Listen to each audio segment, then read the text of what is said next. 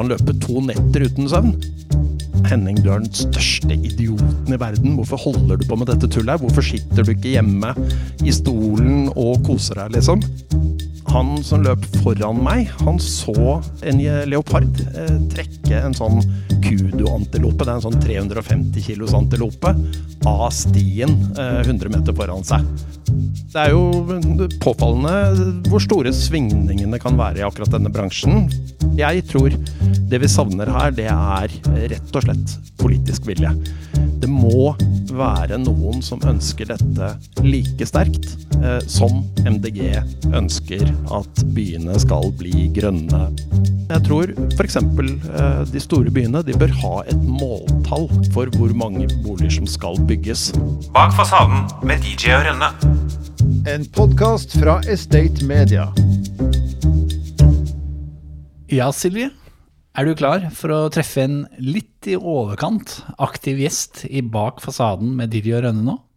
Absolutt. Vi trenger jo litt energi. Jeg er jo, er jo en sånn sliten småbarnsmor, så det er fint det med en energibunt. Ja, Det er bra, for jeg er litt trøtt om dagen. Så Henning Lauritzen, han er administrerende direktør i Eiendom Norge, Foreningen for eiendomsmeglere.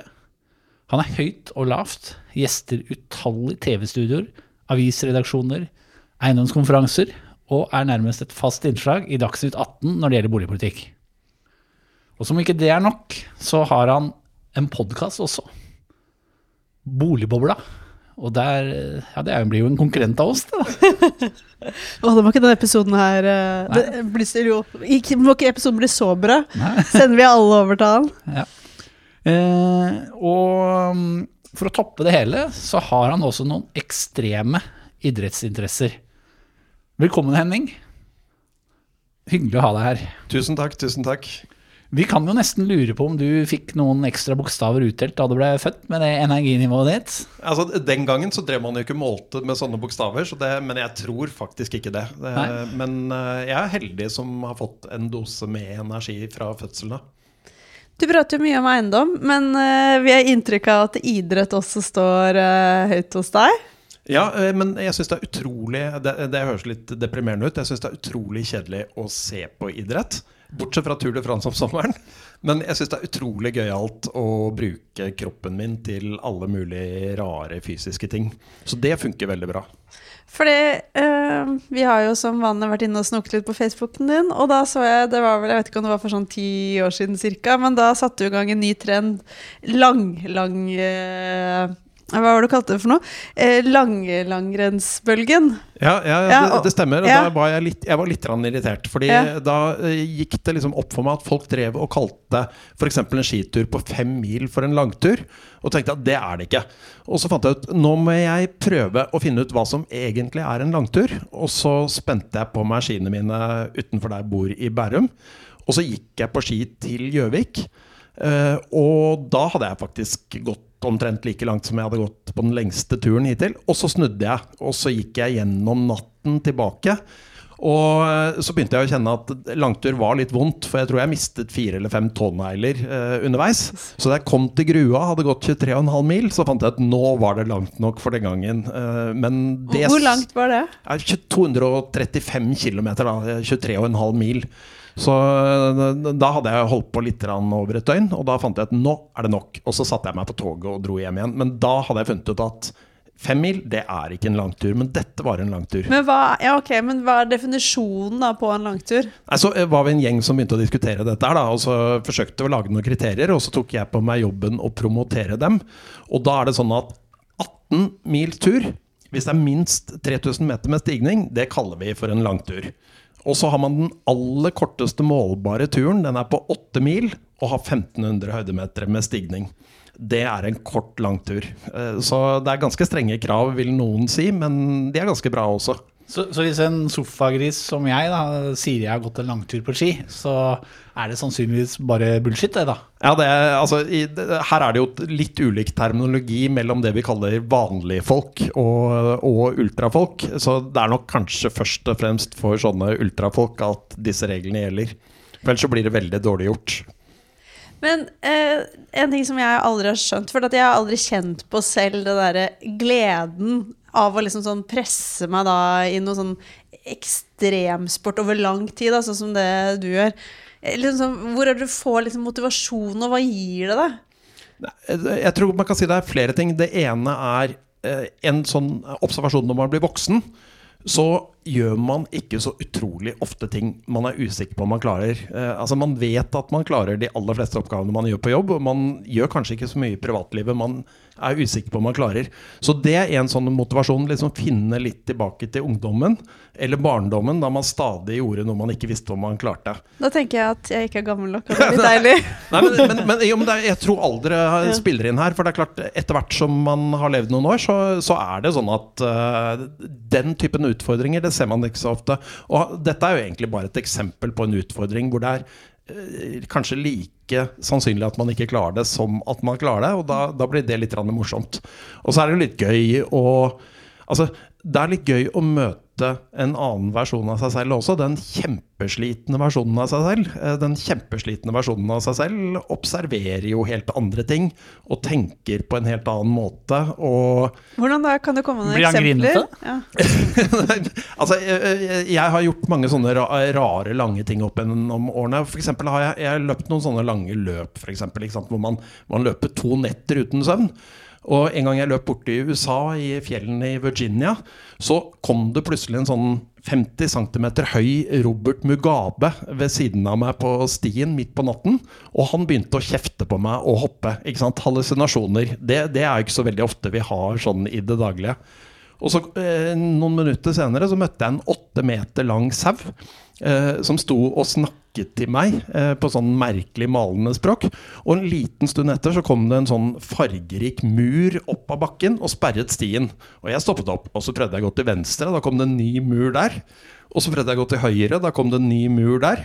Og så tenkte jeg ok, Henning, dette er en hallusinasjon. Og så gikk jeg bare rett igjennom, og da fortsatte jo på en måte bare stien. Så man, man kan oppleve sånne ting. Eh, og så er det jo sånne ting som altså, Uten å ta dop. uten, uten å ta dop, ja. Men, men, men det er klart, det er også sånne erfaringer som kanskje ikke de aller fleste har. da. Eh, mange Nei, har jo sett en busk og tenkt at den ser ut som en elg, eh, liksom. Men, men det å se Robert Mugabe om natten, det er det ikke så mange som har gjort. Men igjen da tilbake til den følelsen da, for når du på en måte da har det på det verste, og du bare tenker at du, du har egentlig bare lyst til å legge deg ned og ikke dø, men bare legge deg ned og i hvert fall ikke løpe noe mer. Men hva liksom er det som da er inni deg da, som sier sånn Ok, jeg skal fortsette. Hva er det, Ja, hvor er den det, det, er driven? sånn, eh, det er jo på en måte en sånn Kanskje en slags sånn seighet og viljestyrke som sitter i hodet. Og det er, det er jo på en måte et eller annet sånn med langsiktighet. Men det er jo drittperioder underveis også. Ikke sant? Det er sånn man kan si, jeg, kan, jeg kan gå bortover eh, og bare si sånn Henning, du er den største idioten i verden. Hvorfor holder du på med dette tullet? Hvorfor sitter du ikke hjemme i stolen og koser deg, liksom? Eh, så, så det er noe der også. Men det er, det er morsomt det å klare å prøve ting man ikke er helt sikre på, eller gjøre ting som er veldig slitsomt, rett og slett. Og så vil jeg ta med naturen. Altså det å oppleve naturen, eh, kanskje særlig hvis man er helt alene, i, til alle døgnets tider, det er også veldig flott. Men får du opplevd den når du er så liten? Ja, eh, og på en, ofte på en mye sterkere måte. For man, man blir på en måte Altså radaren, eller hva skal man si, antennene for å ta inn ting, blir på mange måter enda sterkere når man er sliten. Så blir man jo litt mer følsom og sånn. Og eh, da, da kan soloppgangen være veldig mye vakrere enn til vanlig. Hvor, hvor langt er du villig til å gå for å få litt smågodt? Nei, jeg, altså, jeg har jo mitt faste sted for smågodt, som, som er Kiwi-butikken på Grua. Eh, og dit eh, Jeg har hatt litt forskjellige varianter av turer dit hjemmefra. Og det er sånn et eller annet sted mellom 10 og 12 mil pleier jeg å ende på på den turen. Og da kjøper jeg også smågodt som smaker så fantastisk godt når jeg går med det i lomma på veien hjemover, at, eh, at det er helt utrolig. Det hadde vært en øh, faktor for deg òg, det. Ja. Kjø, kjøre bil til grua? Kjøre bil til Kiwi på Grua. Ja. Men sykling er jo en annen hobby du har, som du har liksom kombinert med noen utenlandsturer, har jeg forstått. Og det har jo ikke vært, eh, det har jo ikke vært sånn sydenturer du har eh, dratt på da? Nei, nei, det var eh, det, Altså, det, det hele begynte egentlig eh, Det er da jeg sier at 40-årskrisen min begynte, egentlig. Jeg tror jeg var 21. Og så eh, jobbet jeg i Jussbuss som studentrettshjelptiltak. Og så sa jeg at hvis jeg ikke får sommerjobb her, og da var det loddtrekning, så kommer jeg til å sykle til Nordkapp. Og så fikk jeg ikke sommerjobb i Jussbuss. Og da fikk jeg jo heller ikke tid til å jobbe den sommeren, for da satte jeg meg på sykkelen, og så syklet jeg til Nordkapp. Og da hadde jeg også eh, sagt at jeg skal heller ikke kjøpe varmmat underveis. Eh, og jeg skal ikke betale for eh, overnatting. Så jeg satte meg på sykkelen, syklet til Nordkapp og eh, banket på bondegårder så lenge jeg fant dem. Og overnattet på norske bondegårder både her og der.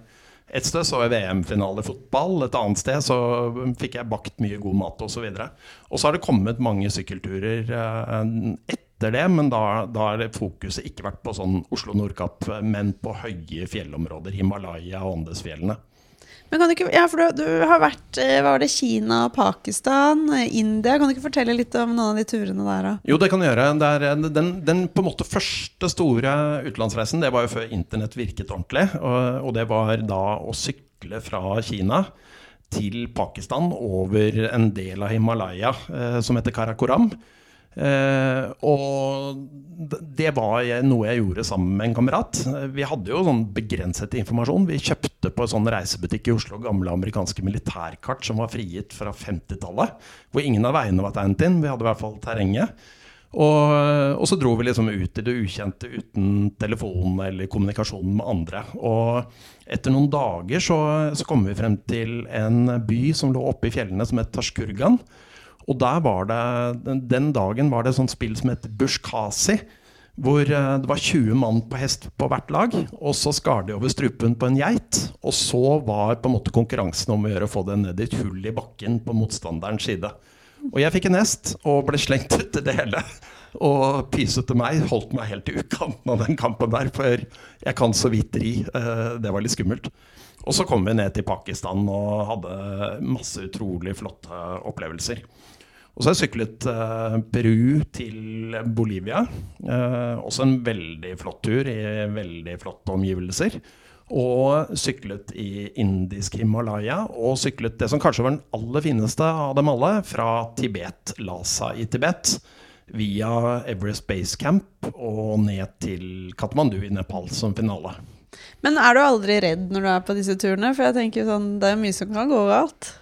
Nei, jeg har e- egentlig aldri vært sånn spesielt redd på noen av de turene. Men jeg prøver jo ikke å ta noe sånn idiotisk risiko heller. Altså, Hadde ikke valgt å sykle i Afghanistan i dag, eller uh, Altså, det er noen sånne begrensninger, så prøver jeg å holde steder hvor det ikke er direkte konfliktområder i øyeblikket. Men hva er, det villeste ultraløpet du har vært med på? Eh, jeg har skjønt du har gjort noe i Sør-Afrika med litt vill natur? Ja, altså jeg, jeg, er jo på en måte eh, Egentlig Jeg løper stort sett bare én type ultraløp, og det er sånne såkalte 100 miles. 160, altså 161-170 km. Det er sånn veldig enkel distanse å kombinere med jobbliv, for da kan man gjøre det på en langhelg og sånn. Og en gang så løp jeg, eh, som du nevnte, i Sør-Afrika, et veldig kult løp som løp, var like i nærheten av Port Elizabeth, eh, i noe som het Addo Elephant National Park. Uh, hvor det rett og slett var sånn at uh, vi begynte å løpe på ettermiddagen. Og så kom vi mål sent på Eller jeg kom i mål sent på kvelden uh, neste dag. Og under nær vei så møtte vi jo en del av de dyrene som, som lever i, i, terrenget. Jeg møtte ikke noe veldig skummelt. Jeg møtte litt vortesvin og litt antiloper og litt aper og noen sjakaler og sånn. Men han som løp foran meg, han så en, en leopard trekke en sånn kudu-antilope. Det er en sånn 350 kilos antilope av stien 100 eh, meter foran seg. Så han ble jo litt shaky. Da jeg kom, så jeg bare noe blod på stien og skjønte at et eller annet hadde skjedd. Og håpet det ikke var en løper. Men eh, noen andre møtte flodhester. Vi krysset 22 elver eller noe sånt. Så det, så det var sånn det, det, var, det, det, var, liksom en av de utrolig morsomme turene. Da, for da er det litt sånn eventyr ved siden av den løpedelen. Forholdsvis skummelt, uh, ville vel både du og jeg sagt ja. uh, da, Jørgen. Ja, men dere bør prøve. Dere bør prøve. ja. men, uh, men, du drar ikke på sånn Granca-ferie? Jeg, jeg, jeg, kan for så vidt også. Altså, da barna var små, og sånn, så dro vi Vi var typisk på sånn øyloffing i Hellas og, og, sånne ting. Men da er det jo ofte sånn når noen leker på stranden, så kan man jo ta seg en liten tur opp i fjellet i nærheten. Eh, noen timer i løpet av dagen i hvert fall. Å være god i Bundegruppen er å gjøre andre gode. Mennesker som trives med jobben, skaper resultater. Gjennom et godt arbeidsmiljø sikrer vi også gode og trygge prosesser i prosjektene. Det handler alltid om folk. Folkeskikk, orden, lagånd og kundefokus. Folk skaper verdier, og verdier skaper folk. Finn ut mer på bundegruppen.no. Men men hva er det du liksom liker så godt med å reise? Jeg tror det er litt sånn, litt sånn even, eventyrgen, på en måte. Og så komme ut og se, se ting som er helt annerledes, og så treffe mennesker helt andre steder. Og skikkelig gøy hvis man kommer steder hvor Uh, ja, hvor man, hvor man på en måte ikke har vært før, og, og som er litt ordentlig annerledes. Det syns jeg er supergøy. Kultur, historie. Hva er det beste minnet du har, da? Det er litt sånn eh, vrient å, å på en måte plukke fram én sånn enkel ting, men det, men det er klart sånn den sykkelturen jeg nevnte, f.eks. å sykle fra Lhasa i Tibet til Nepal, det var, det var ekstremt fascinerende. Altså, Tibet er eh, grenseløst fascinerende eh, land å være i, rett og slett. Høyfjell, helt annen kultur, veldig spesiell kultur, veldig religiøst samfunn. Utrolig fascinerende. Men leser du deg opp litt på forhånd da, eller kommer du sånn naiv Ola Nordmann og tenker at uh... Nei, jeg leser helt uhorvelig mye på forhånd og under, og veldig ofte etterpå også, for da blir jeg jo interessert i det stedet jeg har vært i, litt mer sånn permanent. Og så blir det en del av det som er Hva skal man si, en del av den kunnskapen man har, da, som er interesserer en, rett og slett. Så jeg kan en del om mange av de stedene jeg har vært opp gjennom årene. Men du, du høres jo ut som en litt For du er advokat. Du høres ut som en litt annen type advokat. Ja, altså, annerledes. Ja, jo, men eh, jeg tror liksom ikke sånn utdanning og yrkesbakgrunn har så veldig mye å si for akkurat sånne ting. I hvert fall sånn er erfaringen min, at eh, det, det kan treffe hvem som helst å ha sånne lyster. Men eh, hvordan, hvordan endte du opp i eiendom? Eh, jeg studerte juss, og så eh, fant jeg ut at nå skal jeg være med på dette studentrettshjelpstiltaket Jussbuss. Og i Jussbuss der var det en arbeidsrettsgruppe, en fengselsgruppe, og en gjeldsgruppe og en boliggruppe. Og så tenkte jeg gjeld det er ikke noe for meg. Eh, sitte og forhandle gjeld, det tror jeg ikke passer meg. Og fengsel, nei, ikke så veldig, men sånn arbeidsrett og boligrett, det hørtes spennende ut. Litt sånn kontraktsrett og sånne ting. Og så havnet jeg i boliggruppa. Og eh, da lærte jeg meg husleierett og en del sånn andre ting fra den praktiske siden også. Og eh, ja, faktisk så traff jeg kona mi der i tillegg. Og så ble bolig og kona ble liksom retningen på livet som kom fra Jussbuss. Alt kommer til dit der. Nei, så ble jeg kontaktet av Leieboerforeningen, som jeg har hatt noe med å gjøre. Og så fikk, jeg sånn deltidsjobb som student der, og så, så ballet det egentlig på seg. Så lærte jeg mer og mer om bolig og eiendom, og så rullet det videre. Men eh, hva vil du si liksom er den største utfordringen for eiendomsmeglere nå? på mange måter så er det jo sånn at de, de, de lever i en verden som eh, stiller veldig mange krav til det de skal gjøre. Det vil jeg nesten kanskje si er den største utfordringen. Altså man skal eh, Man er jo underlagt et veldig strengt eh, regelverk, som jo minner veldig mye om det banker og forsikringsselskaper og andre er underlagt på internkontroll og på hvitvaskingsavdekking og andre ting. Sånn at man kan si at de, de gjør en jobb som er veldig komplisert og veldig komplekst, og veldig stort ansvar ut i minste detalj. Og det tror jeg kanskje kan være noe av det som er, eh, er noe av det krevende i tiden. Så du tenker ikke liksom at en del av de kanskje lever litt sånn på lånt tid med tanke på nye teknologiske løsninger og sånn? Kanskje, kanskje ikke så veldig mye. men Det er klart eh, det er mye som, veldig mye som har endret seg i eiendomsmeglerens arbeidsoppgaver de siste årene, nettopp pga. utvikling og teknologi. Eh, man kan jo på en måte bare se en, en del av disse tingene som nå skjer rundt altså såkalt digital bolighandel, digital kommunikasjon mellom bank, kartverk og megler osv. På den annen side så kan man si at det har løftet bort mange av de kanskje kjedelige oppgavene. da frankere konvolutter og, eh, og liksom holdt på med den typen ting. Og, og gitt mer tid til det som er selve kjernekompetansen. Så er det ikke en sånn veldig stor bekymring akkurat for Hvis man skal se på den sånn forretningsmessige delen av virksomheten, så er den veldig effektiv i Norge hvis vi sammenligner med alle andre land. Altså der, eh, hvis vi ser på meglerprovisjon, eh, det megleren får for å gjøre oppdraget sitt i en internasjonal sammenheng, så, så kommer vi veldig godt ut i Norge. Og de som skal kjøpe disse tjenestene, kommer veldig godt ut i Norge. Ja, For det er jo rimelig effektiv kontra å kjøpe bolig i Frankrike eller andre, særlig midla- middelhavsland, da. Ja, jo, det er jo det. Og, altså, sammenlignet med USA, ikke sant? det koster jo omtrent dobbelt så mye. Hvis du går nedover i Syd-Europa, så koster det kanskje tre ganger så mye. Og eh, hvis du drar dit vi ikke drar lenger, men til f.eks. Moskva, så koster det kanskje 20% av sakssummen å, eh, å gjennomføre en transaksjon. Så det er klart, eh, det er dyrt å skulle selge en bolig i Norge, men relativt sett, hvis vi sammenligner med andre land, så er det kjemperimelig. Og det er, det er kanskje noe av det som gjør at norske eiendomsmeglere, hvis de fortsetter å være flinke med å effektivisere, så blir de utsa mindre utsatt for farlig konkurranse enn det man kanskje blir i Syd-Europa. Ja. Er, de- er, er de godt nok skodd for eh, teknologisk utvikling og si, nye modeller som kan disrupte dem? Ja, jeg, jeg, jeg tror egentlig det. Uh, og jeg, jeg, tror kanskje at hvis man skal se på dette internasjonalt, så er nok Norge blant de landene hvor risikoen for hva skal man si, bransjen og, eh, og kjernekompetansen at den skal bli utsatt for konkurranse, aller minst. Jeg tror nok de landene som er aller mest utsatt, er der hvor det er kostbart og ineffektivt. Hvor du, hvor du på en måte kan få dette voldsomme skiftet hvis lovgivning og andre rammevilkår endres og åpner for muligheter som ikke er der i dag. Men øh, hvordan er det å fronte en yrkesgruppe som er liksom fullstendig prisgitt øh, rammebetingelsene som deles ut fra andre? Ja, det, det, er jo, det er jo påfallende hvor store svingningene kan være i akkurat denne bransjen. Fordi den følger jo de volumene og den utviklingen som, som er i eiendomsmarkedet.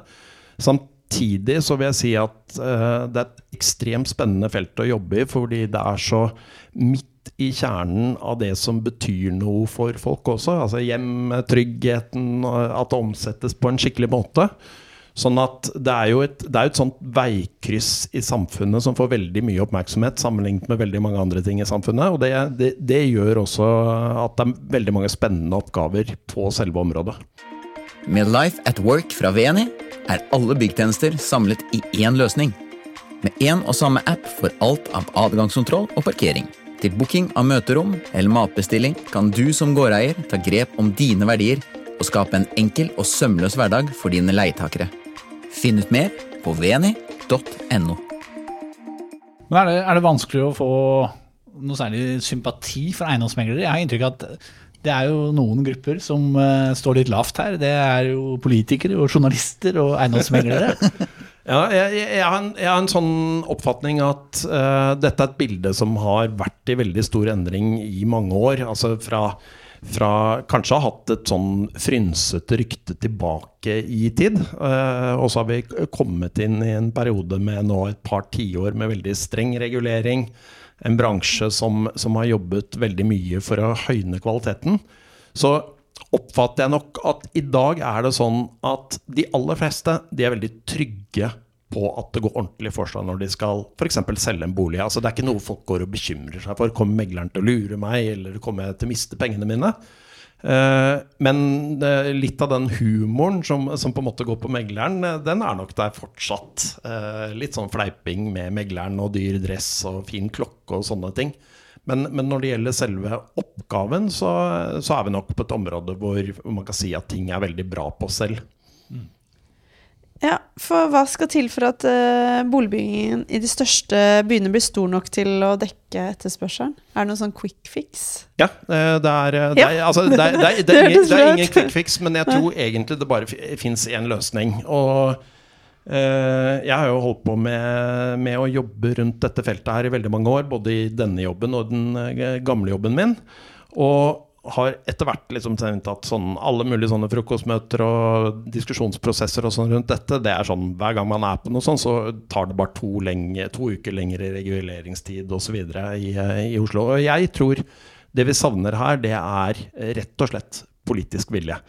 det må være noen som ønsker dette like sterkt eh, som f.eks.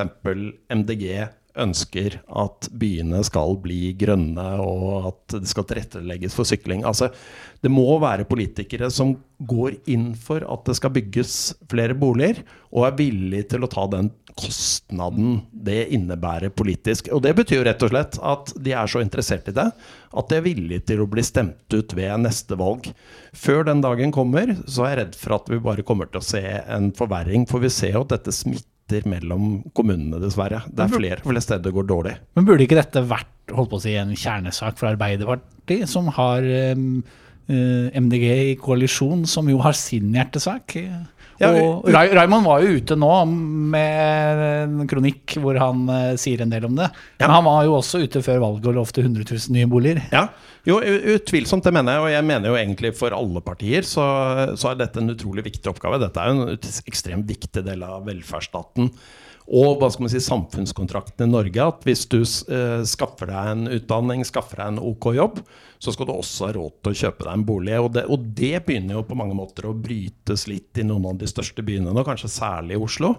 Og, og da må politikerne på banen. Og det er klart Hvis du ser på Hurdalsplattformen, så sier jo regjeringen at ett av fire eh, mål på boligområdet er at flere skal eie egen bolig. Da må man gjøre noe. Da må man kanskje gjøre noe både på kommunalt nivå og på nasjonalt nivå.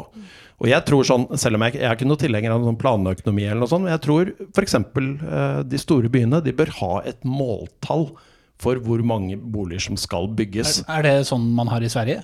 Eh, Ja, det er noe man har i Sverige. Og, og, det, og det er klart Med et sånt måltall så får man på en måte en ambisjon man kan måles mot. Eh, og jeg syns det er på mange måter litt sånn uinteressant mange av disse debattene som går i dag. Hvem har skylden for at det ikke reguleres nok osv. Altså, politikerne har til syvende og sist eh, ansvaret for at det er mulig å etablere seg i byene, mener jeg.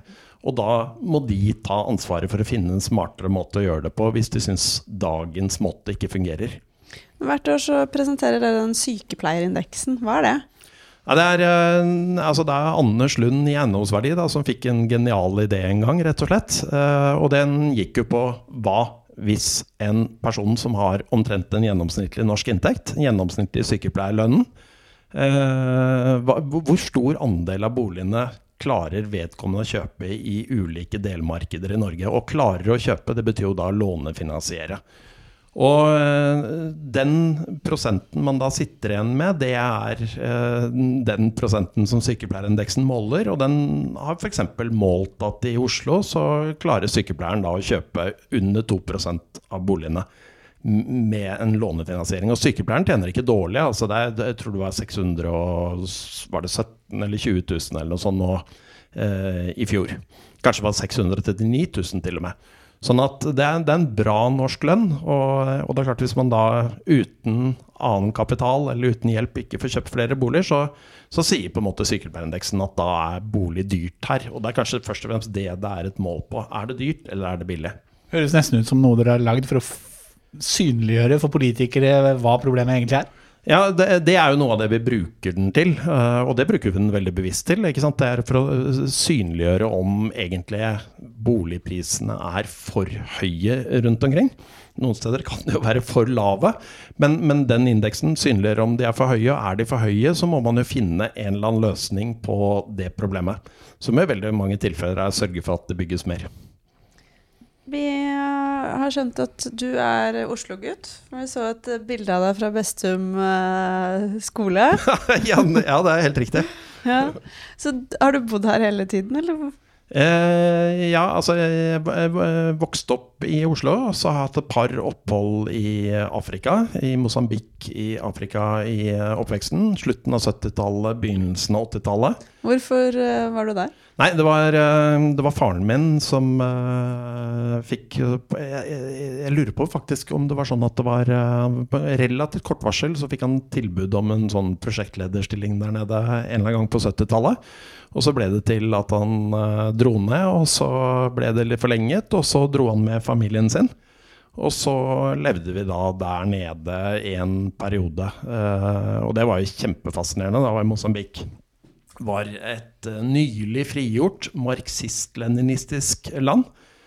ligger kjempeflott til eh, på sørøstkysten av Afrika. Og så hadde vi jo et naboland som var Sør-Afrika, som det, på det daværende tidspunkt var apartheidstat. Og, så det var jo sånn for en sånn liten gutt som hadde gått på Bestum skole og ikke opplevd liksom Kanskje ikke de store tingene i verden, så var det jo masse inntrykk og enormt mye nyttige erfaringene. Morsomme, spennende, forferdelige erfaringer. Apropos forferdelige erfaringer. Hva skjedde eh, tirsdag 30. mai 1983? Ja, eh, da, eh, altså, eh, For å ta litt sånn kontekst, så var det jo sånn at den eh, ANC, som jo Nelson Mandela eh, var leder av, den afrikanske fri, frigjøringsbevegelsen eh, Mange av deres, eh, deres medlemmer de oppholdt seg i Mosambik. Altså de hadde flyktet til Mosambik, som jo hadde grense mot Sør-Afrika. Og så drev de jo eh, en motstandskamp, inklusive en, eh, en væpnet motstandskamp. Og i, eh, i Mosambik og Maputo så hadde du bl.a. bodde kona til lederen i eh, den væpnede grenen ANC. Men lang historie kort. Eh, Det skjedde noen handlinger i Maputo hvor noen ble tatt livet av. Det skjedde noen, eh, et bombeangrep i Pretoria, som, som er på en måte en slags hovedstad i Sør-Afrika, sammen med Cape Town. Eh, Stort bombeangrep. Og så var det det som da eh, skjedde den 30. mai, var det vel, ja. Så, så kom det et eh, sørafrikansk motangrep i, i Mosambik. Eller det var vel to hendelser. Det ene var en sånn drone som ble skutt ned. Dette, det, det var jo en tid hvor droner ikke var så vanlige som i Ukraina, f.eks. Så det kom en sånn drone som ble skutt ned av mosambikansk luftforsvar, som jeg så fra egen balkong. Eh, og så var det et par dager etterpå så kom det et ganske stort luftangrep eh, mot en forstad, altså sørafrikansk luftangrep mot en forstad. Så det var noen sånne litt sånn gufne hendelser også. Hvordan var det? Jeg, eh, altså en, Moren min hun flyktet til Sverige da hun var bitte liten under andre verdenskrig, så hun syntes det var veldig ubehagelig. Jeg tror kanskje liksom ikke de eh, delene av hjernen som gjør at man skjønner alt, hadde utviklet seg nok den gangen. Så jeg, jeg syns egentlig ikke det var så veldig skummelt. Det var mer sånn fascinerende, tror jeg, rett og slett. Eh, noe sånn merkelig man observerer, men ikke er så redd for. Skjønner ikke konsekvensene. Nei, ikke sånn I dag hadde jeg blitt skikkelig redd, eh, men da, tror jeg, da var det helt annerledes. Har du vært tilbake eh, siden? Eh, vi skulle faktisk tilbake, men eh, så ble kona mi gravid. Eh, da skal vi tilbake på besøk, og så ble ikke det noe av. Så har det aldri blitt noe av siden. Men jeg har vært i Sør-Afrika og sånn siden, da. Så noen ganger. Inklusive da jeg var ute og løp i, i fjellene. Er det noen bra løpemuligheter i Mosambik? Det vet jeg egentlig ikke. Eh, Som barn så drev jeg og jogga litt rundt der. Så, men eh, det er liksom, jeg har ikke sånn utforsket det så veldig. Eh, Men det er jo et til dels tropisk land, da, så det er, det er litt mer sånn ja, Det er varme omgivelser store deler av året, da, så man må tåle høy temperatur, i hvert fall. Bak fasaden med DJ og Rønne.